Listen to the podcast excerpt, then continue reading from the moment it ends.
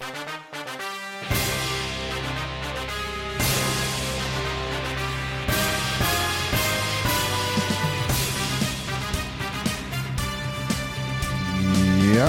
velkommen alltid til uh, Hva skal jeg med? Velkommen alltid til uh, NFL-følger Sendingsina her av FM1 Etla, og lorser etter podvarsmen som kommer av Spotify, Apple Podcast og så videre. Eh, uh, er Arnar Lomberg og som senast så får vi det deila sendingene opp i tvær parster. Først er det som et uh, recap av, uh, av Disney som har vært nå i vikskiften. Og at han var Nå. Årsaka, så leis. Velkommen til NFL NFLs følger sendingene. Her er meg heit etter potlatskjort på tvei. Nå støkte jeg alt jeg i studiet nå. Som senast så får vi det deilige sendelsen på tvei parster. Først er recap av disten som var uh, om vikskiftet, og at han så var det et uh, preview av kommande disten her, var nok en, en, en sanker i middelen til på sendingene. Um, så faktisk har vi tver sendinger i egnom, det har vi delt på tvei parster og potvars på plattformen, tjokken. Ein kommer ut i, i morgen tilja, og så kommer hin frutja morgonen. Tid er sjående alltid velkommen å sende okkur sms-spurninger av 5.5.9.5.9.5 om Nødvendigvis har vi om super wildcard weekend som var vikskift nå, så ser jeg noen spurninger til listene som våre. Endelig skriv inn, eller noen meninger til heva. Så kom de bare skrive til 5.95, så skulle hun at svære spurningene så ofte vi kunne i sendingene. Som alltid, og som senest, en ombering til at som norsk er vi FM1. Det er en øyelig først engst mål vi får bruka, så tar vi øyelig en skår. Og til det som ikke kjenner amerikanska fotboll så er det nok ikke forklare i detalj hva vi sier og i det. Um, men man kan alltid bli i den fell. Jeg kjenner nekvar som blir i fjörd, men så er langt og fullstendig uh, fast i serien ut her playoffs blir jeg, og i det så har vi Axel Berg som kjenner for, Expression Jogo, og så har vi hun her så Isak, velkommen til. Takk for det. Vi får eisen få Agnar Pesta via telefonen og i første parten av sendingssjoken her. Han som stadig i Klagsvik. Um, nu har vi ikke korsan fra avsendingen her, men vi kommer til Agnar om han har løte. Arjen er ferdig gang til både snær, så er det playoffs blir til bare. Så det er faktisk nå at de fleste føringene er uh, faktisk som jeg kjenner som helt til da. Byrja denne NFL. Så er det ikke som byrja det er playoffs byrja ett altså, kan missas fortune i regular season eller er på regular season bara chillet hade chill og som knocka det stereo og alt er på spel. Nei, jeg halte ikke i NFL at man kan si at regular season er chillet. Tror jag att regular season er så reallig stort at det bara är jag ser nu säger han det där så hver distan är så reallig kon tøytning, og vi söker isen där till några säga hver enda hver, og det er hver for heimabana, og hver for sitting man färre så där. Och kapen inte vara eller hör till att komma in i playoffs i år. Mm Men alltså ta det sagt alltså så så är det fantastiskt. Det wildcard weekend är ett fantastiskt sätt upp. Alltså man färdist om man dist om man dist allt allt vikskifte men så inte man kan gå sakta sin såna söndagen här det är åtta distrikt så man kan sitta och hitcha sin rätt öll om det en en skärm ut. Ja, rätt som är så just det nu. Ja. Ja. Och det som är inte vill rätt sån är så att det lukar som en sending som är och så ska vara ett rätt sån place som är samstundes här säljer sån kväll där. Men annars så hade vi en annan kapping guys nu. Ja, NFL förra året. Ja. Eh här i eh det spär alla som heter ho, som heter ho med att Chita kostar vanta är att playoffs för Agenka och det var som jag har talt en fjärde mans som har sett eh, sitt på in och det var faktiskt inte nog så väl så där men kanske inte väl att det står i världshistorien men det är för tjej som har finns ju alla dess alla sex dess rätt. Vi borde Nämnta namnet bara. Det är alltid lugga. Jag ska ta kom få så lite shout out här bara. Så det är Peter Petersen, Karsten Olsen, Jens Johansen, Knud Johansen, Janus Skåle, Trygve Kjeld og Eivind Moritzen. Til lukket til lykken og gå et nivå gjøre vi at gida ratt til alle ærereisene for innhentet sin dreier. Vi får ha vinning til det reisende, og om det er ordentlig for rett, så er det at dreie middelen Nej, vi kör till Stion, alltså hur ser här 60, men i divisional round så kvantist man har kvar för man har vinnaren ah. rätt. Så först du två sti, conference champions för vinnare först fyra steg och först och super vinnare rätt så först och fyra steg, ja. Så då har vi en chans för det. Okej, okay, så jag har haft, jag har haft en diskrift så tar säga att är en VOI. Och just nu. Ja, absolut, visst en divisional round gånger väl till dem, så. Okej. Okay. Och som är till dem här är jag manglar inte men det tar så Cardinals. Jag vant att ta för jag vant jag hade svarta som en divisional winner är Luka väl. Hedlem svarta det som får alla en Super Bowl och tar tappte. Så stand jag sin lite men Elivian vann. Ja, og jeg sagt, du veist vi er sånn her tippingen av NFL-fører. Ja, og jeg lukka som gitar Bare en skøyva. Det var nok... Uh, det var Raiders og Bengals. Ja, jeg tror var samtidig med her i Raiders, dessen der med her Axel Fex og Bengals. Ja, og jeg følte meg nok så ytla om at jeg skulle velge Cardinals, at han, han den her uh, opptrakken der gjør det i Los Angeles. Jeg skal at vi fer inn til dessen der, så vi fer faktisk bare gong til første dessen joken ned, og vi fer bare etter uh, tog jeg messi enn dessen i vore, og da første dessen som var ui som playoffs her, det var Bengals versus Raiders. Cincinnati Bengals har verliga vist håll vid tar head coach Zach Taylor och det börjar nu att betala sig åter. Åtta år gamla vänjaren förde första två åren i Bengals till en 6 för mycket vi ett record. Så raskt han ända i starve. Og hesa regular season enda i tar av tutje tjej. Raiders har møte er är i gångforme og klarer. Här har superskjøttene Darren Baller rättor og Josh Jacobs sammen med Derek Carr er det heiter well, so he's got great feel for the game. Third and four coming up here for the Bengals. Five of the pattern, Burrow. Tries to keep it alive, scrambles. Throws it back in the end zone, but was he out of bounds first or is it a touchdown? I think he was out of bounds. They're Vi kommer discussing nok å ta oss på fløyten her, vi har hørt det i touchdown der. Men... Hørte du henne? Jeg vet ikke. Jeg hørte henne. Dommeren hørte henne for nytt, eller ja. Bengals har ikke vunnet en playoff-list i 1 år dessene. Men av det noen så det ut som at The Raiders var å gjøre playoff-tusje her møter.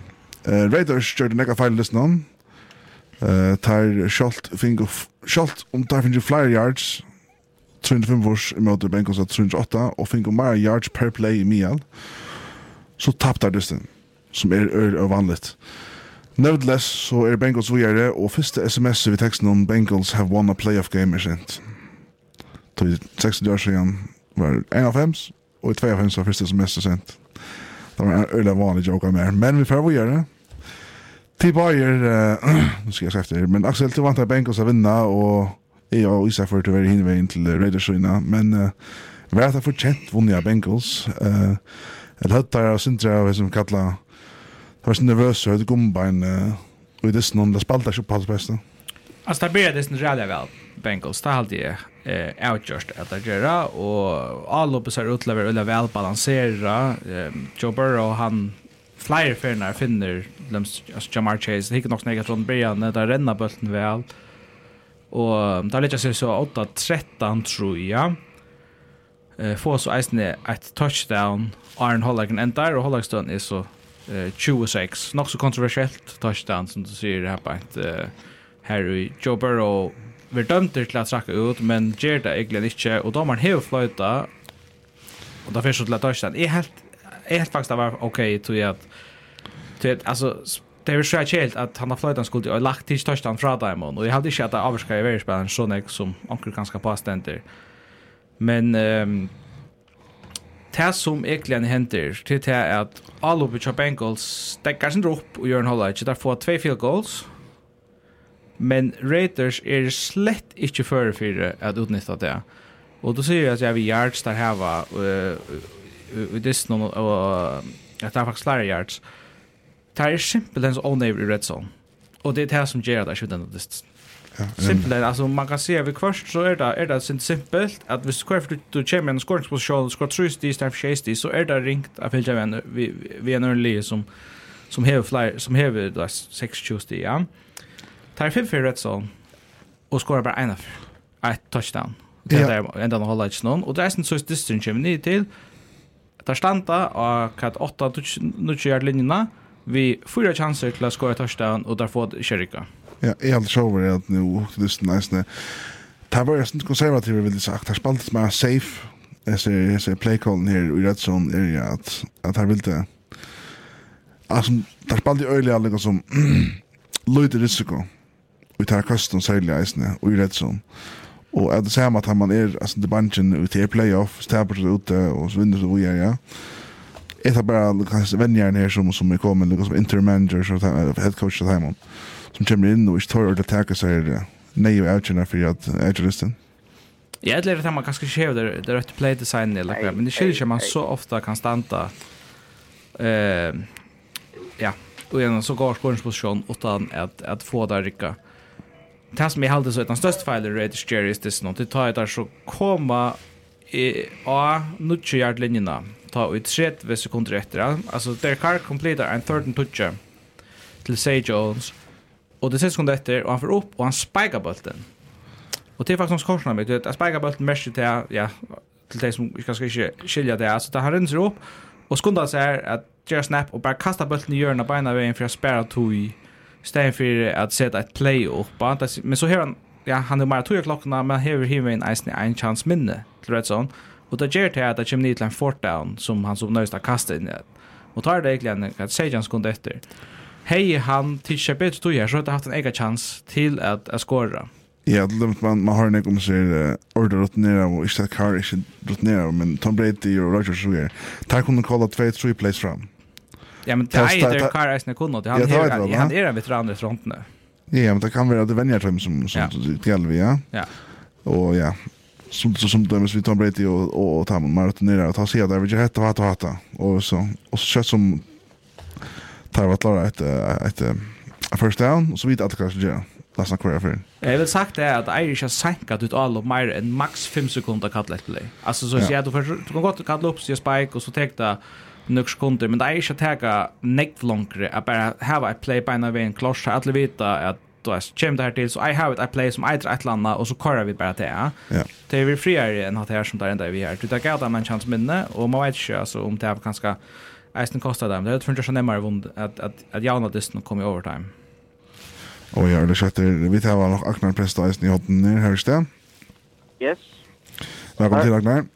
Tack, tack, tack, tack. Tusen du rater så bänken ser eh och om kanske problem jag Raiders just det kan kan kasta distan borstor mot till Fax a Bengals vunne distan som där spassar väl senast när jag tar skulle Live upp till det här som har spalt. Hur sås du uh, här distan? jag har alltid att jag har alltid en Bengals under upp på det. Alltså jag jag alltid jag syns det sen det är ska det att att du och du och så kommer det typ bara det så vinner det det visst man Bengals så snäll av er en går upp och och är man väl och som man säger man har också snäckt i playoff det nu jag ser för där då släxan bara om jag ändå.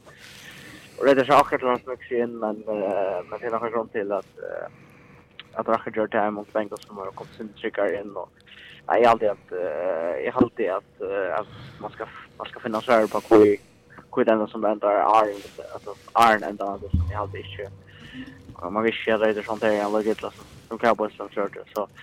Men eh, nej alltså Bengals we are och och tycker faktiskt att har tycker faktiskt att kommer ta på Björn eh Titans out alltid att det som ska komma in någon här så men eh jag har alltid det är bättre för playoffs att Bengals we are Det är sant det. Jag alltid heter liv alltså som säger, i nekom perioden av Disney, någon så är så såg där öliga går ut och alltså Burrow han spelar en en go on this där bara alltså han gör han gör några fel där han är rätt effektiv är två touchdowns 24 yards och Jamar Chase är bara så hamrande effektiv så att han alltså han alltså han han han han 12 targets this månad eh uh, catches för 116 yards och det det kör bara John alltså han är så Alltså han är en fantastisk wide receiver och och i snösten ska jag nämna att Rennespel blev stäckan också väl. Alltså att Charlton Joe Mix och Rennebelten säger han för så han bara 84 yards. Spurningar om Titans mäkna att att göra det samma tror jag att till och med komponenter som har synter blev teachen ur dysten och ner på Cha Bengals. Men det är bekymrande att där bara skorar 60 i Earnhold Ja. Og det er ikke for lukka distin, og det er, altså, distin er så mycket åpen, er Raiders how a more hava muligheten for en skåra eh att ja, att game tying touchdown. Jeg hadde bare så over at Bengals tar, tar nekka ønik og erfaring og så videre. En ønik unge mann som er her. Och det er grunn til, han godt var hjärta som stämmer i Raiders, jeg ser vi, lukka som, det er lukka som motgångsten Raiders alltså franchise har haft i år och ett problem med värde och skianer och, och så vidare. Och lycka komma där playoffs. Helt alltså det är flott. Så det kan vara ganska att det vill inte ha där att succita att det kan stämma där vi är här men jag visste det för dator alltså. Alltså jag var här för nya trusti alltså va månne men men Bengals vi är här till till allt det är det största ni och rocken vi att det kunde gått äntligen här AFC-final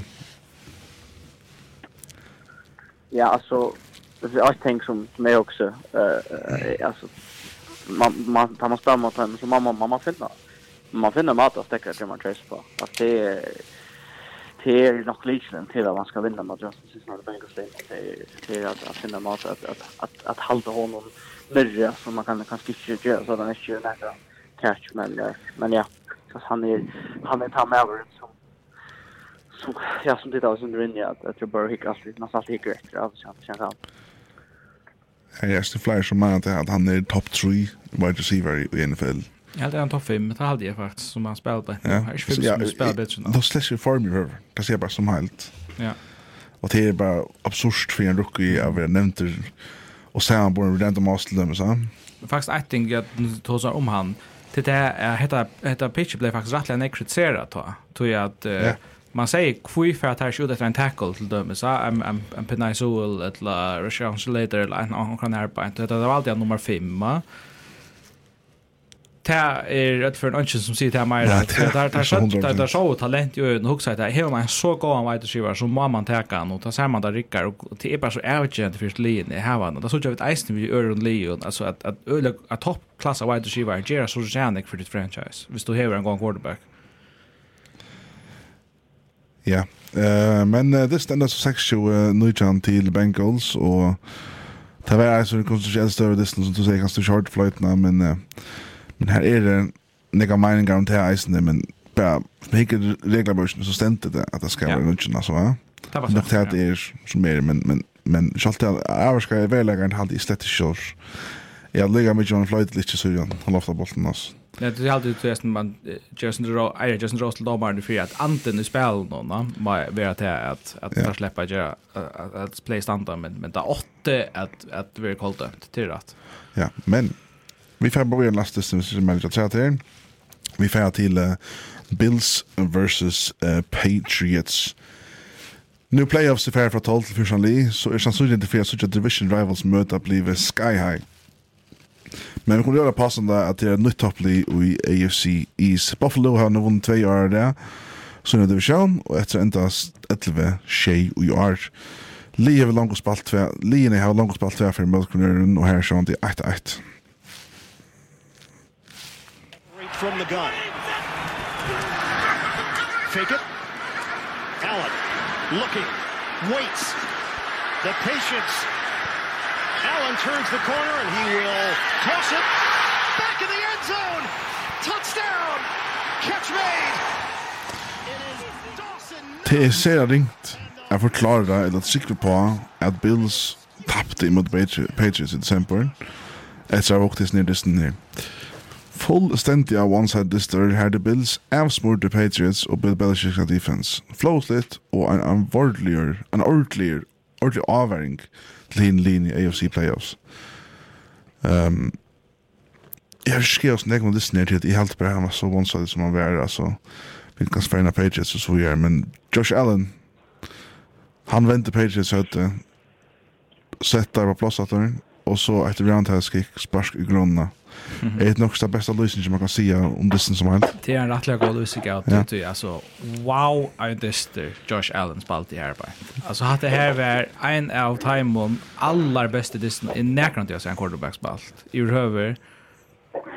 Och alltså han sa alltså han han spalte simpelt nästan vi vi Bills. Alltså han viskar som en vuxen mäver som spalte i mitten där grundomstruncher. Alltså så säger han ut han, han Bäge då att han han ger sån kost som är fullkomligt tapelig och också att en av deras kaste här han renner undan vägen och lägger han i Jörny i en sån till Jag tar kontakt med lite jag tar det. också eller kvad av era och Asper han renner han och han juka varje spelare alltså han var han var så glow heiter man och man manar alltså hitchet hans statline hon var isne serverly Ikke, altså 25 kost godt nok, altså det er ikke at, at, at det er velkjørt så tullige, at, at det store tullene er kanskje ikke herbeint, men 21 completions på 25 kost, 308 yards, 5 touchdown kost.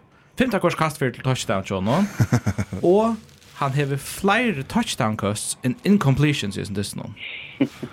Senast det hendte, han dist minnest er vel, en av den første playoff dist noen jeg sa, Det var ta i Kurt Warner gjorde det mot Packers i en dist wildcard weekend for Rannik når han sjøgjende ta dyster enda 1.5 där för i overtime men skulle vinna sån dyster han famblar han famblar så gott till så sta nej det är Rodgers som ger och Cardinals vinner dyster men ja så länge att skulle det lugga väl till er ja 12 år så gärna Hetta var helt vilt fra hans sida. Og hvis han gjør hette her, altså, så, så får han ikke stekka bills på, på nærkast med smatta. Så jeg har også lukket det. Så jeg stod sånn om at her, tar ponta jeg omgått i dysten noen. Tar skoer touchdown av kvarjon einasta drive där hade det hade det hade åtta drives till this någon där skor she touchdowns och där sista drive är ett kneel down. Ta kan man inte göra mera green booster ur motståndaren än man gör det på där bäst till att de ner än dist mera än det bills all uppe gjort mot patriots.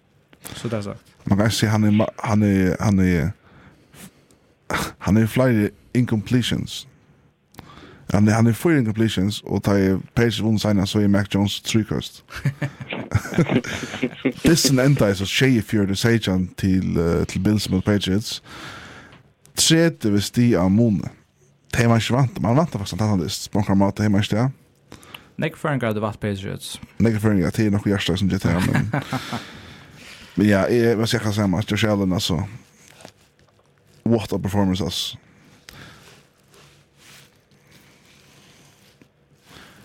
uh, Agnar. Um, ja. Bills. Alltså, kan Bill Belichick komma att från nu? Är det mycket yeah. sånt? Är det så säsongen? Nej, ska gå det Han är vänner i NFL. och Ja, alltså han är vänner i Patriots i Patriots och han är var vänner i Browns och är en assistent i Neckvar. Så kan han komma att han vill pröva att Ja, man säger att det störst. Jag kan gott faktiskt köra ofta, men... Äh, jag har inte kan Ja, det är stadigt gott. Apropå den norsk page så säger att det är gott nog skift när vi är ute här. Och, eh, alltså, alltså, man hickar efter Josh Allen så kvaliteten och sen så är så låter man här så här positioner kommer komma och det är inte som som jag alltid har Axel Lyster alltså det är inte som en American fan och Johnson alltså han han gör akkurat som han vill och akkurat mot quarterback position så är det det som är så imponerande till att han kan bära alltså han är han är kanske att han quarterbacken i NFL som är bäst av bästa kombinationen är en alltså vi arme och boyn kan se på honom bara. Ja, precis. Det är att han är extremt onödigt att att sitta bara på luften men han kan också ränna och göra det själv.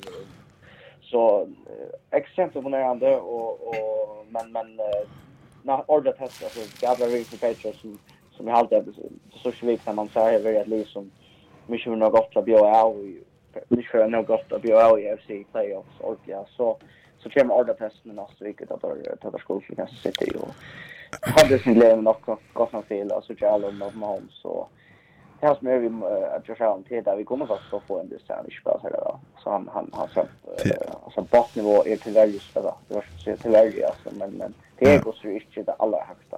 Men det här listen här han måste ju om kjempe sjans av til nu nästan det snar listen som kommer Eh Ja, nämligen spalt när det är också vanliga distrar. Alltså han är inte slett inte ända regular season på en en goal mode i röver. Alltså Disney mot Jets och Falcons och sånt. Alltså det Så det är lika otroligt att han kommer ut och bara hämtar maten och bara han kör där i det. Han var förändrar och i sagt man var i Tampa. Ta som om det. Och titta viskar som ofta så den här löten där han aldrig ska tracka upp att han var där levererar. Men men trubblar som de spår kan sitta. Han kan inte börja jag presterar så att något han måste göra som som hända det Han man spelar öra väl och att han det då för jag skulle ha en chans till. Eh kan korsa med Holmes eller kan sitta varje en GT tar tar för sig att varför inte jag lever efter över så här. Så nej, eller grejer sina efter det lukar som vi vi Bengals red för halvtid to go for playoffs I vi har Buffalo we are in England akkurat yes för en shot in the next game på för som sitter ut helt på rails on men, men tar tar att vi som är större kan kan komma efter men uh, de var så inte så tar det lukas inte veckan. Ja, jeg jag så över hoppa på Raiders vann så at man kunde få eh, så kommer man få Patriots vinna så mötte man ja, men, Patriots. Men ja, nej, Raiders, nej, nej, nej, Patriots. Patriots Bengals. Nej, Patriots. Ja. Hvis Raiders og Patriots vinner. Ja, sant. Nå tror jeg stemmer til eisene, men uh, hvis det kan se Patriots bare helt right. Um, Mac Jones, ja. Ja, alltså det är inte hans här skilt av det här men det är värjan som är skilt nu. Alltså det har sjön, det kan han inte få ut skott touchdown och kvar drive. Men jag tror att tar skora så nek i början alltså där bara Lashland bara urgent alla tunnar så vill han möter att föra ut och kasta nej för mer än att han är vi och tog ju spelar helt jag säger går inte så jag hade där av första driven och så här en interception som eh, annars hej kunna färd till en touchdown kanske kan man säga. Hvis han, hvis han kastar en och inte långt bara åttarliga eh, så ja inte den bästa distan Johan honom helt ikke nevnt at skulle affære fylgja viser seg til at det er helt slags plass til affære denne bølten, altså til at, um, ja, Bills ja. iver, så jeg, jeg vet ikke om man skal være så her vi ham akkurat, her er det nok mest ja. Belichick, og eisen, altså, det er sko bekymrande at man enda ikke, altså, på at fire disters, um, at, altså, Belichick er aldri en uisner karriere spalt, Eh and this modern league som jag går det på inte. Nu då vi tvärför det mot det Bills linorna. Ja. Så det syns skek alltså det the rivalry för sen efter fram man man checkar annat till green först var det Patriots som gjort uh, Bills till green vi ska närmast ska kasta det bulten this no the new car Bills alltså har give efter flyer för nära så där vart det slut så där. Jag husar att det bandar tvär det man kunde under december månad. På i december månad. Så borde haft något den red tape och åkt efter och brukt till annonsera det har liksom ta också detta för att vi vara till mot Bill Belichick han är så rutinerad det Men det här visste slett slett sig förhållta alltså men tredje steg av måne och heter nog ändna Bills och Patriots så Bills är så vi är i playoffs. Att han åtta linor som är i ett år. Ehm Astis jag kom till så att sen nästan där så en dyster som som mot det spoil allt det men Buccaneers Eagles heter det upp till över en av de två distin som nog för att vara ser one-sided, Atlantistan. Men, Nudge 8 Eagles færa til Tampa Bay.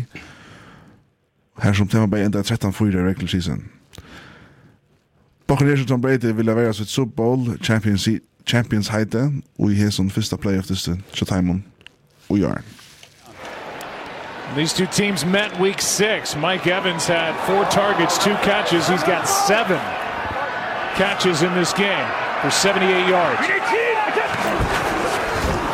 Brady keeps end zone wide open touchdown Gronkowski.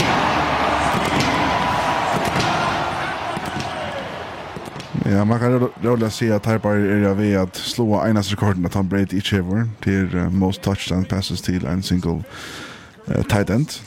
Uh, så nu mangler det bare nødje for at vera stam og stam vi i terrekortene, men Eagles hei ångan den egen chans å vinna Disney etter min mening. Så det borde faktisk vi replay oss. um, tar bare vunnet av en og lie i år med en winning record. Ta skal har det her vekt. Alla vi drøkner Og ta lida der vunnet som hadde en winning record det var New Orleans Saints som har manglet fyra, fyrsta starstar vekna skri og korona som er helt, helt ekoslitt. Bakoners, for jeg tar listen den kjøtt sammen om. Takk om, takk sjøve og sikre av. Får ikke noe, det som er på Bare veien. Men listen enda så 1-15, Garbage time. Touchdowns her til um, Axel. Lørstein Veiler, Brady, Fepper. Hvordan sås du, uh, hvordan så tid? Henne listen her, uh, være bare beinleis steamroll fra, fra Bakoners og smalt. helst. Jeg halte at ja, så Brady spalte en øyelig effektiv og flottandist, og man sa øyelig vel, det var ikke hans her første turer til en sånn playoff-dist. Han... Eh, Han har bara kontrollat det nu. Det är den känslan man sitter rätt från början. Det att här är aldrig en ive om vem vet det för att koppa. Så han sitter så, så härst att det och ja, så han har inte att alla verna av av, av yards 241 yards och två touchdowns men um, men allt allop är ölla väl balanserat det lägger sig åtta och renna han eisen rättliga väl och ta kan du säga att ta 5 minuter efter att jag går så där fram för 1-0 långt ja Det är en viskarlar outgjort och tullande och Eagles är släkt till att vi här på.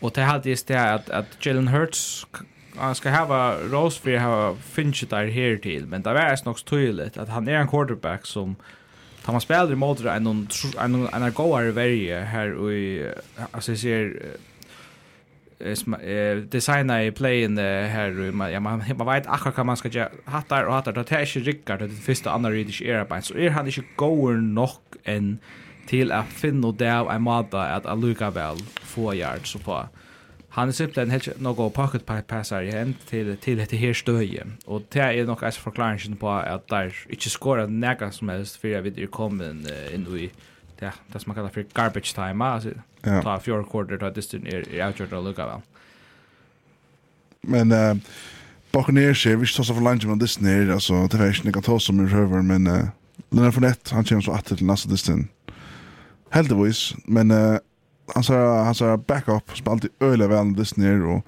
allt Jackson smusha bak ner och det har han tjänas dess nu vikskiften hade jag jag hittar efter det var inte det samt du ja jo jo alltså folk som det så gör alltså och ner kört testar skulte och och nu nu möter det kommer de möter en ordentlig test och i i mot Rams och Tack för jag hoppas. Tack för jag som ni gjort som att att att playoff Lenny är rätt han han gör den morgon. Playoff Lenny särskilt mot att Strand tar i kärle från Strand som spelar på ut i är reservposten. Eh och kan är så men eh nej alltså Eagles är ut där när jag alltid tar ju ganska till free pass. Och till till alla alla vägar som ligger på oss. Ja, första så var det. Och Kevin Hurts är väl för det första inte så det går några rum off från dem så och Eagles är samma så här är ju inte testa igen att jag kommer kappas så. Ja. Nej. Buccaneers kunde spela kunde spela läkare, ta kunde få era men heita ganska i playoffs och han brukte neckar receiver och alla kom in och finns spel till så det väl liksom en en värdister mun hade Chuck Buccaneers och det är så flowt att säga. Eh men jag spelar en en artist på den skrep Eagles League ganska bättre här by så viknas. Men ja, vi får faktiskt vad vi är från Eagles och Buccaneers. Vi får till nog tandisten det här vikskiftet här som alltså så lärde jag folk om Disney, det var helt svakligt. Alltså folk skriver till mig till det vita att är vi på poddvarsmen här så vi gör det och och Stjärn som är ihop Disney, han är alltid nöjd till NFL och tar sig om äntan och det stått så han förklarar stingen ner och brukte Skyward och möjligt, men det var väl alltså. For Niners Cowboys. Cowboys var för 12-5 i regular season og vunnet samstundes NFC East for første ferie siden 2018. Dak Prescott kom atter at han rævlig en økla skia, og Samsons kvakte til the number one scoring offers i NFL. Senast vi ser over Niners i playoffs, enda der i Super Bowl 4, her der tapt så i møten om Nick Lee, Kansas City. Uh, Nick Bryce igjen, og for Niners vil jeg se at Jena komme enda fyr i Super Bowl.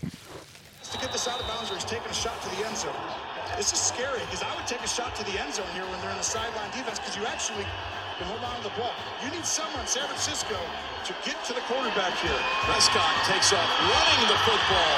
Whoa, I don't think this is going to work out. It will. They'll be able to clock this. They would plan for it. It's downtown. Oh my gosh. And the official gets in the way. The game's over. The game is over. Ja, vi kommer nok att ta oss om att det här är play ända när uh, Dallas Cowboys uh, har li under hava li under helt ekstremt vanliga coaching i fly flyer år. Nok öll utan Jerry Jones visste att det för hålla fram vid vanlig coaching ta li sette Mike McCarthy som är sån Same old, same old. Ser folk runt i Dallas. Cowboys kastar möjliga en segerborstor vid hela första penalties. Och som vi har det i brotten her, enda distan vi en quarterback draw där första sekunder i SR-klokkene, og ungen timeouts er det tøk. For den ene spalte ser vel til tøyer, og finner jo verilige hjørsta i oppi holsen med enda dissen. Dissen endar, tror jeg jo, sier han, tid for den Niners. Det vil si at det var torsdag av måned. Her er det... Hvis vi lykker som RB tog som jeg sier, det er questionable play her, nok for nekker her, question til Ries, så vi er om hva hender gale her. Vi er også heldig David sagt, vi stod til næsten, han er en gav for Niners-fepper her. Det är nog för dans på här när vi alla har två i studiet där faktiskt den kunne ikke komme vekna sjuka. Ehm bara från tunnels perspektiv. hvordan hur opplevde du Bernardsen och en listen altså og hvordan var det liksom till spenningsfaktorer, hvis man kan si det pent på tamadan. Oha, ja. altså, 49ers är alltid garanter for spenningen, og det er nok stort lärcha öron en och kon 49ers fjärparen tror jeg at pulsen för på om hundra och kvad, ja. Men uh, alltså till uh, Cowboys som är hemmavall och tog lite ta eka press i Fort Niners men som att vita så här Fort Niners så nega fjäppar att att det färdas allt kring allt och så eller så kan det spela så det är allt väl och ja alltså tar de ner simpelthen för hållag och Og, men uh, lukka som vi uh, møtte Rams søgnast, så var det Hesfyr, 49ers, som uh, lova, mundlova Cowboys halt alt atter inne i distan og det bedre hentet det ikke, men uh, ja, Jim G, han, uh, han, er, han er en gøyende dyst, kanskje, jeg sinter mye av, i mial mial her Og Dak Prescott, han er bare, ja, ja, ja jeg kiksa i totalt. Og der finnes slett ikke uh, offense til CD Lamb og Køyra. til tog at defense var så krutstørst med honom, og tar tøk han ordentlig ur distan, simpelthen. Og ja, vi var jo ikke så her sørste kontroversielle støvende vi, vi dømmer noen. Altså, jeg vet ikke om Cowboys ikke kjent reglene eller ikke, men man skal altså, jeg til det som ikke videre ganske, man skal djeva dømmeren om bulten, så han legger han nye, og så første gongt. Men uh, um, Dak Prescott, det virker som han, han helt han er forgå av tog, og han rann for lengt, og ja, Axel. Ja, så det var fair at uh, Joe Domaren skilte den fra der. Det yeah. gjør det Dak og eisene, og yeah. var, det var sånn ringe støyler fra Tara Suya. Ja Men för att jag kom in av dissen här bara. Det hade ju ödlom för att Jimmy Garoppolo han började dissen väl. Det kan ni säga. Och Jeg føler lukka som at avlåpet virker ulle vel balansera at, at han renner bulten helt utrolig effektivt i stedet. Altså, det var 38 runs uh, uh, i stedet, og så har det kastet 25 fjerner, eller hva det er jag ska rushing yards Ikke, men um, men ja altså... ja hon rushing yards out der. det tack hör öle väl vi Debo och vi Eli Mitchell här bant Och så så föll man bara till att för Niners spekla spekla sätta sig fullkomligt distan och, och ta mig bara säga till att är det rävliga skofar i Jukos Cowboys spel där och särskilt Dak Prescott är är har kanskje har vært lyst til Bjergaver vi til at kontroversen at han distan ble han at det var vanlig playcall fra Mike McCarthy og, og Kellen Moore og domaren og så ordnega til at fokus her på etter Dallas kan eis godt være at Dak spiller elendigt. Ja, men, men han spiller lendet, men han er chans å vinne det Det er bottnar, ja? Jo, jo. Uh, jeg kan godt forsvære etter playcallet på omkring måte. Nu har vi lust nok nekvann uh, en podcast där är snä USA här faktiskt har vi förklara och USA så sitter så jag ja. Det har fått två Hail Marys från kan det två för den linjen där kan det. Ettla kan du göra det här quarterback dra ja. Som du hever tog till. Och så har du ett play av 25 yard linjen. Här slätar han. Nej, nu är det linje. Tar tar här bara en fjärde yard linjen renna upp till 40 yard linjen. Nemlig, og och tar kan försväras til han heter det. Problemet er at han ger bolten bare ved, og han så blir det. sånn at trutjer för Niners linjemenn i møte 5 Cowboys. Ja. Det er ikke är onsublast där passar vinna och där har sideline defense. Så er det ikke här onsumitta. Du kan den upp 15 yards, 16 yards, slida nyer, dømmer bolten, så hever du 3-4 sekunder etter klokken. Det hever du, hvis du... Ja, ja. Ja, og det er bare fullstendig, ja. Miss, han missar bara liksom, han får spänt till och kört och ger bara stånd bollen. Och, og, og linjemennene blockerar eisen domaren. Han har han har liksom crushat sig in i mitten. Tar lätta bollen för långt fram av banan. Så domaren må faktiskt flytta bollen åter. James Center, ja. bolten. Alltså, hade är fullständigt jag alltså. Är ungen skiljer domaren. Iverhövs.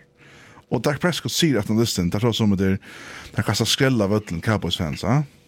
ja. Så säger han att må, liksom, vi ger oss allt för det här och vi kunde inte det som eh, vi ger oss löv lite här och kastar skrälla av ötlen till också är sportsligt och är respektlöst mot rockarna. Så säger en journalist men eh, Helsa kastar till domaren? Han säger, ja så, så ska det nog vara hajare för det. så jag sånt vet. Det är så längt till till till längt ute. Lockt affärer. Han själv som är skyltna. Ja. Och han är så okaraktäristisk för Dak Prescott. Ja. Nästan tror jag att han han är en fantastisk lärare typ. Humble man. Ja, jag syns att du det om att sista play. Ja, det som jag vill säga är att som slår och hook som driver. Där får bulten vid 2 och 4 2 och 3 sekunder efter och så för en 20 yard linje där ska uppskattas där. Och där kvar har ett öle gott drive kvar det här yeah. får bara ut alla bands alla bands alla bands alla tunnare. Och så tar det skop en fjärde linjen så ser jag för Niners nu nog. Nu är nu är 14 skott efter. Till kvar är alla bands. Du ska ha en ska det in mina. Og jeg husker ta hux jeg sett ta jeg husker huxar huxar jeg. Kvar renna shot slant road det tar knæ.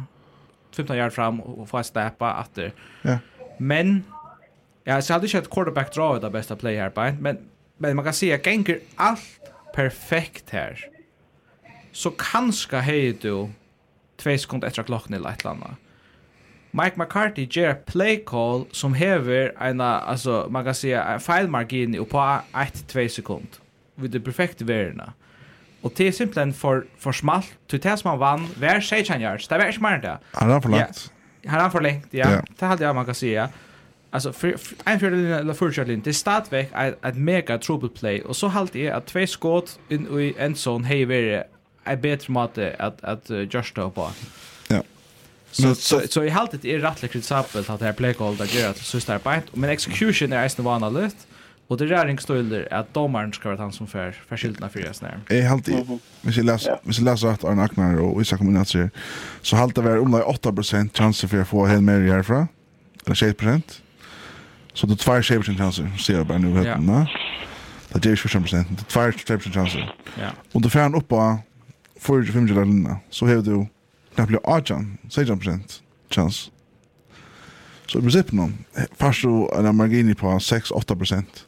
større chans att få touchdown. Hvis du gjør det her play.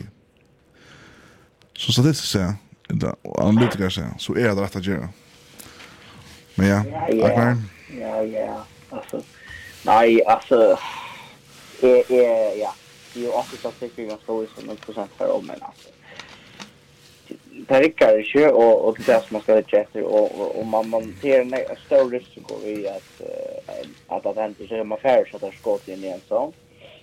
Och hvis man prövar två kast in i en sån så kan det från enda vid interception. Men lugga mycket ut och um att häva distan lugga av. Eh, och man kan kanske ända vi att ta skora eller få en pass interference. Eh till dem så så där play för grads play för att den.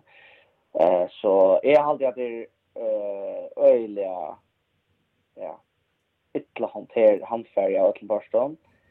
Men allt det lugga som vi rater så vill jag säga att när man hickar det här så så ver det alltså Dallas Cowboys tappar inte det som i första sekunden. Nämligen. Eh tar tar tappan i Jackson går sälja för alla men alltså det alltså tar tar för sig spel alltså det sa jag mest av det tar spela för spel kvar. Jag menar när så game plan i bet ska sätta samman till det stäm och ta på ta få rum nu som runner back on öle väl och till kämpe respekt till till Kalchana och Matan han sätter upp och strand det linjerna och här vi George Kittle som faktiskt är inte en faktor vad som är kastspelen på jag hade hade sig han han häver han är rock catch och det no man han är eller han kan ju check lums så eller viktiga stola linjen i running game. Det är så där för mina player så vi hade vi där nog så linje att just på någon. Så spanar vi krafter. Och att San Francisco Niners är at least som kan vinna playoffs. Eh med landa på grund av tog. Eh och att Dallas Cowboys tappar väl sen så kan man ju räkna ut dem. Och ta sig med Golden Door quarterback Dak Prescott som i halvtid är han han är goer han är goer men men det manglar några som tar största för oss linjen och och och om det kan nu ta kan så här ställa den här spelaren som är rätt långt så så är det defense och om om det kan komma att in men men alltså är är på förhand om Charlton kan skapa sig något större rytter att det så är det så är vad ska säga så ska vinna dem och jag hade så vinna något på det det hade jag inte köpt några review. Eh så ta kunde skylta på domar och allt och så här är sjukt men men tar ju inte något från det till att till att vinna eh det ska Nej och Dak Prescott alltså jag kan säga han är inte så goer som han är betalt han är den tre högst betalt lägaren mm. delten han är ungefär 4 miljoner dollar om året Alltså till en nivå vid Josh Allen och, och Deshaun Watson här fick, fick han simpelthen förhandla sig in. Og hvis man skal hava, hvis man skal rett og slett det, så skal man godt nok eisen steppe opp i en sånn her dist, Han har band dist her, du er favoritter. Og det gjør han bare i høver ikke, altså han, som sagt, altså tjej sti i trutja quarters, med landa i tre quarter kastar han en pick six som er mega dyrer og som gjør at det blir 3-2 tjej knappt, så holder ikke at han blir øle, øle, øle tungt å greve seg ut ur det är det är ikke godt nok til honom, och det är inte en gott tecken för framtiden att han är så högt betald det är så at han är go quarterbacks i NFL, och i halt inte han är vi och har absolutt absoluta toppen någon här som man annars är betald till att vara. Ja. Nei, stort litt her San Francisco, at Lockett, Løysak og alt litt som var till er ex som vil gjøre det, San Francisco er sånn alltså. altså, at att tar, som Dallas Cowboys, eller, mer än Dallas Cowboys, sette, egentlig da skal nesten, att traditions eller som tradition för att vinna. Eh eller jag hade kanske vunnit någon extra boss då då kanske man måste ta ta för men men jag hade öliga sorts så just sa liksom jag hade strust jag när skaffningar för att få attention jag samman som är här nu och och som kanske potential till att lyfta sig uppåt långt. Ehm ja. Och har tar kon just ska ja ötligt. Jag kommer. Ja. Men armvitlingar som färre vi är för oss nere, så att något sista vi tar som Cowboys och jag är, men for Niners som helt och sagt eh kvar kan så tag oss this near we are alltså kvar kan de do och och kvar de är student för det och så det. Ja, alltså man dömde till att defense tog så väl att lägga press uh, offense chuck Cowboys. Så där, där var det. Där samma vid Debo Samuel som eh jag lade mig fram till han ett han som skorar mest, nej, mest rushing yards så han vi har en play of this så han nu John sex och trush det är sånt där och ja det som är de mindre väl det är att uh, the Cowboys får 14 penalties och till later kom in at the distance så jag säger till till Ja, så blir man ärgra, men typ bättre så helt där fast och och ta jack. Alltså en bekymring som jag har om det här resan, det är så säkert att du kan du helt rätt det, men alltså Jimmy G spelar inte en sälja gående så är Ever Orna säger. Alltså han häver han 1625 för 112 yards och så häver han en så rävliga button interception här då där framför vi vi 16 stegen alltid där. Han kastar han och på möter en spelare och och i eh i en såna och för Niners är framför fyra och allikevel kan känna han allt gott om han fantastiska playcaller men han hever en ringa söve fra att till Tony Falcons vi han ren, han kastar bollen för ofta när han borde runda igen. Ja. Da gjorde han Super Bowl mot Patriots da, da gjorde han Super Bowl mot Chiefs da man var framför det och han gjorde det atter her på at han var att det är Debo Samuel rennar in så her var det Archon Place och sker dem ner kust. Är en en som jag Twitter analytiker han säger att tar bort nästan runt kastabulten efter just någon. Det kan bara gänga gälla. Och det gör det att Cowboys 20 minuter i dysten vi är pick 6 arbete. Alltså, hvis man inte var framför och man verkligen skulle vara 100% avhängig av Jimmy alla dysten som jag tror man var mot Packers. Är det så, ja, hur då allt att han är han klarar det?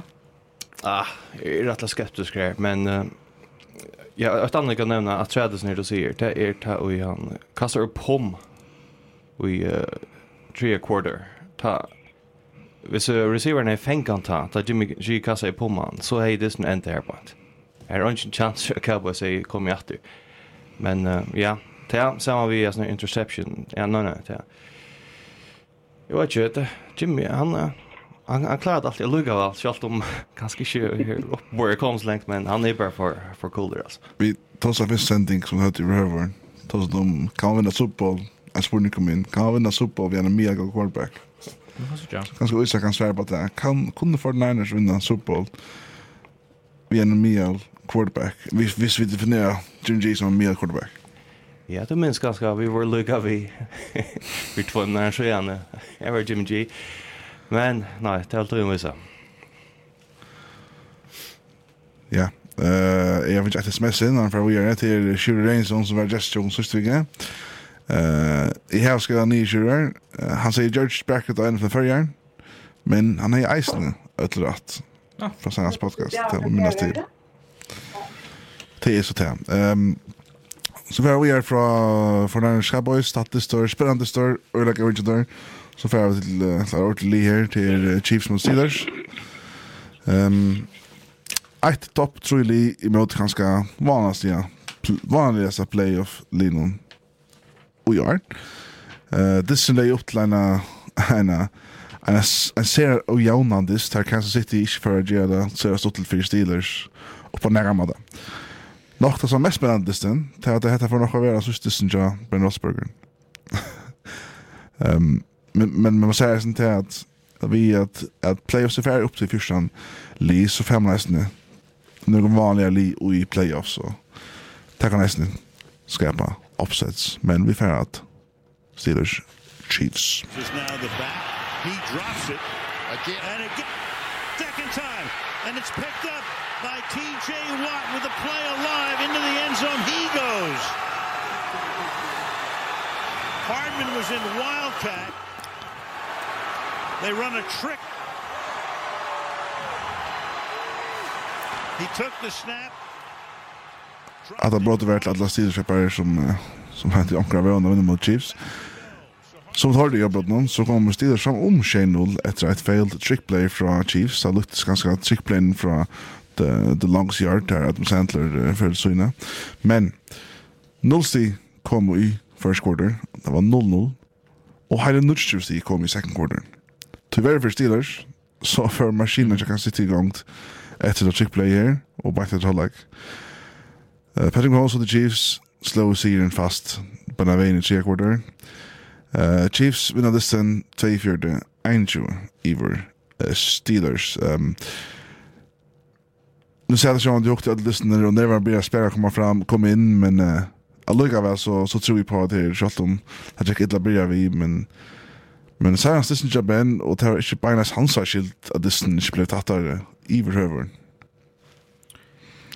Nej, alltså det är nog det här att um, att ta i allopet tja Chiefs kommer igång så är det här så rädda och hon alltså rincher att stäcka Och skiljer väl att farsa snärva ner på en. Så att det tar så tog ju gott nog. Alltså det först eh fem driven i this och ta skorar där inte. Alltså det har en interception och så har det här uh, fumble som för hinväna. Och det är egentligen bara tre first downs uh, tillsammans att han drive någon. Men att han där skora sex touchdown drives area. Alltså eller ja, liksom som Bills aktet här på ja. Så Här är det inte stäckat att det här uppe jag kör eller kat. Nu är det alltså nu Jeg tror det er et trick play, og jeg hadde hatt et ikke kall til Mahomes for høyre, wildcard player, Mahomes spalte wide receiver, altså, det sa så pillebryt ut da, og at han har at TJ Watt skår touchdown her, så sender Mahomes og så i linje og skjelter vi en coach, og til det kommer vettel natt, så støkker han ikke Så det er et av best han spalt.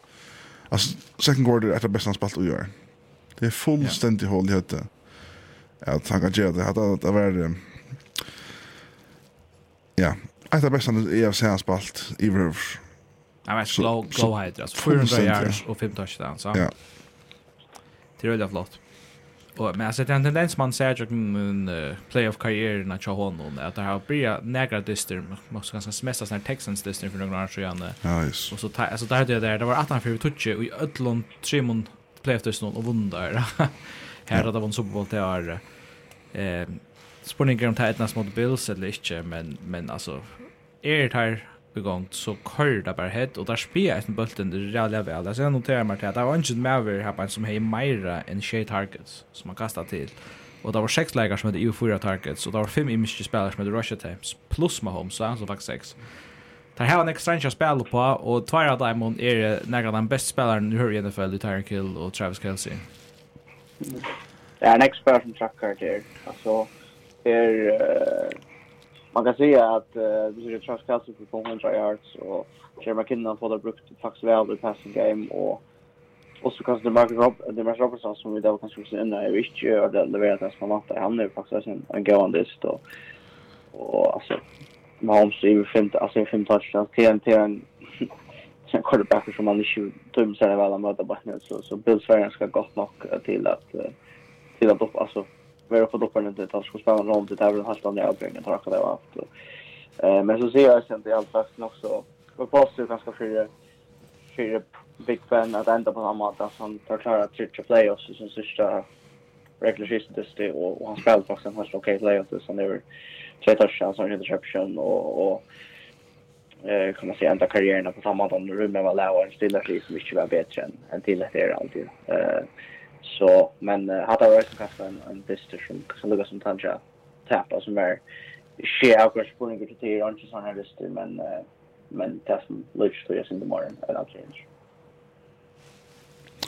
Ja, bra santer och er är spännande på nu kommer det vi med double size och så vi är vi kommer ta oss till i 17 håll vi här men men är halt nu väl att at etta playoff i år er det bästa Chiefs-serien som er vært. Og om Chiefs spela Lurgot Offense som det har gjørst for årene, så vet jeg ikke stekka. Og så kommer det på. Så men, uh, ja, jeg har ikke lykkert å si at Chiefs er... Uh, Dissen, uh, man vantar jag Dissen för att vara one-sided och det blev han nästan ta att han har first quarter och det var så det så får jag väl av sista dist och det är nog så gott att ta in i Jason Jones showen men uh, det var så gå um, game of the week i mellan Rams och Cardinals. Game of the week så det flyr Lini har kappast allt Arium Top City mot Gunnern och i tar Division och det enda vi att Rams tog första plats och fick han bara en mot Arizona Cardinals. Cardinals har pensat very helt ekstremt vanlig chansene, men velande kunne da tjekka opp og gjøre the Rams at run for their money, pun intended. Stop, stop talking about that. Here's Odell Beckham Jr. He wants to throw it. Got a man down the sideline. It's Cam Akers. And the Rams aren't done yet with some razzle-dazzle Hollywood style. Allt Jack bara för the Rams. ta signing av Odell Beckham Jr. visste jeg var helt, helt genial. Og nu blir ordentlig at, at payoff. Hine veien var det et ladligt, poinligt og fullkomlig bortsett vi prestasjon fra Cardinals, særlig og i offsene personen. Rams var aldri pressa til nekka distan og det så ut som at det bare hun har særlig tøyer i veiene. Enda stevan blei så 4-3 11 til Rams, i Cardinals, Och men i vi att detta är det här sisten så vikna som inte sett oppe i hukti etter, men här möter hokt i den långa highlights og vi har kritisert Cardinals nästa sans ne Men det här var nog det bästa livet i NFL där visst att vikna. hvordan kan det kunna färra från vi nästa bästa livet? Jag vill ta sig om det här var först i nästa vecka. Vi power powerräknar runt kring heimen till att bliva alltså Lorsali. Är det bara Rams som har varit tillstånd fram eller the Cardinals som har fått det så några stöj? Alltså i halt att Cardinals är en öliga stora mån tar fullkomliga skramla samman det är det någon. Ehm vi har nästan inte sett dåra hur så skuffa över är det i något average alltså tror jag att Tar mer eller minst slash vi just någon alltså heter er han vanligast det så jag kan det mer spalt. Överhuvud alltså han och han ser ut till slett ikke vita hver han är eller alltså eller kvar han skal gjøre ved bollen och få nära smälst att fungera. Han har jo bare 100 shades rätt passing yards och två interception. Här såna en här var simpelt en av de jotaste jag säger oj mun löve alltså alltså när han pressar ju rätt så han bara under hans kastar han ut i fältet och det är och han vill så interceptar vi och för till touchdown där bara det var det var det var öde gött och Jag vet inte vad man ska säga. Alltså, han... Um, ja, tar tar komma att om och tar uh, det hänger av han ska få det in att det är bänt och ja, alla blir säkert gott nog till det där. Men du spyrir hva det er det som galt i Cardinals, og jeg er eisen hutla peika etter ting, og til det er at Cliff Kingsbury er en øyelig kontroversielt vel til venner, at han har tått han, sett han for 20 år siden, men han sier, hikk, hikk etter han sier karrierestatistikket, hette til han har gjort kvørst eneste år siden han ble college head coach og siden NFL, og at Legion byrjar øyliga vel, og så skrava det skjema til sist. Her er en statistikker her på at hvis du hikker, han er fem år, seks år i Texas Tech og tre år i Cardinals. Der første skjedisner er han 42 og 20, og der og resten av kappingararnon er han så til saman 16 og 45. Det er, altså winning prosent på, ja, eh, 36 prosent som fornir og uh, 25 prosent, eller hva det er, eller 33 prosent, 25 prosent det er godt, og til ta er også gale vi matan du coachar på, at det er ikke tilfeldigt at, at det blir vi er hentet. Var du vet hva var quarterback til i college? Patrick Mahomes. Patrick Mahomes nemlig, og derfor han fikk det ikke rikka vi Patrick Mahomes i college football, men han ikke hava uh, winning records helter. Så Jeg har ikke hodla lett sånne skiltene iver av Cliff Kingsbury, og hvis jeg er i Arizona, så har jeg rett å finne meg, finne meg, enn du kan gjøre.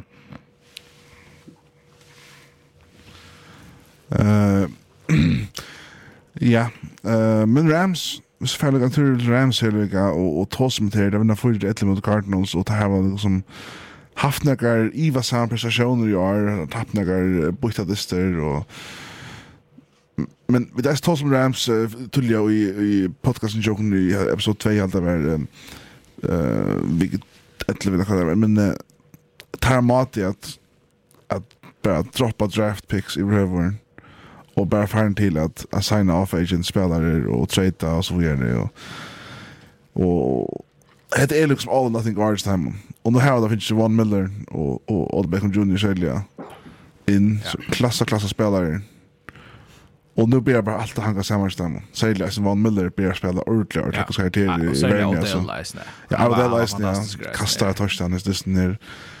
Uh, inte touchdown, men kastar en gav boll till Cam Akers er rens at alle her, og, og, og kunne teir verilige visa NFL early at behøver ikke kvar draft picks og gjøre på hver måte. Det er en god spørning, det er ganske mer filosofi, det er ganske ambok lengt herfra. Ja. Jeg skulle lukke, ja, divisional round er helt kjørelig, men jeg vil si at Matt Stafford er det Netronen, og Jeg hade jag då som Matthew Stafford kvar jag sett ikke til å gjøre det. Så jag spelar han godt, eller så spelar han ringt och han är talentfull med över. Hetta er den største i hans karriere. Hetta hade den fjör playoff hans spalt. Men ett först för han är og ein en sum som hur um om affär i Super Bowl Og han ball spalt i NFL så han draftades nutja. Största i sin karriere og han spalte fantastiskt. Det gjorde han verkligen. Altså ja han han um, tar sig åtta tulja och där kunde så börja renna bulten mera men han hever, ja så 13 ut av sig chans för 202 yards och två touchdowns det var det var imponerande att han han han levererar ju. Och att du hackar sig så så han står jag ett lojare. Och en av dem han han visslar brutnik det var Odell Beckham. Och så hickar efter hur star skorar ju. Rams i Disney alltså så första drive så då Odell som får touchdown. Nästa fair så han som har ett längt play som ger att att stå han banna till Cooper Cup. Och då trea tar kastar han han nästan för 40 yards så sätter alltså i scoring position han är faktiskt rätt agent i Disney Ja, og her kom stakka saman om distnar som er det, og tekningan ikke træt her. Jeg husker jeg vidt lukka som nu tekkan lilla stekker, og han vil komme inn i nasta part av sendingen, eller nasta part som kommer utfyrst inn til er preview til nasta distnar. Alt fra akkurat her i studion, takk for Isak til å komme inn her, og Axel og Arnar sign ut her, og ja, det er kløy takk for jeg er vi ennast men tusen takk for det, da vi.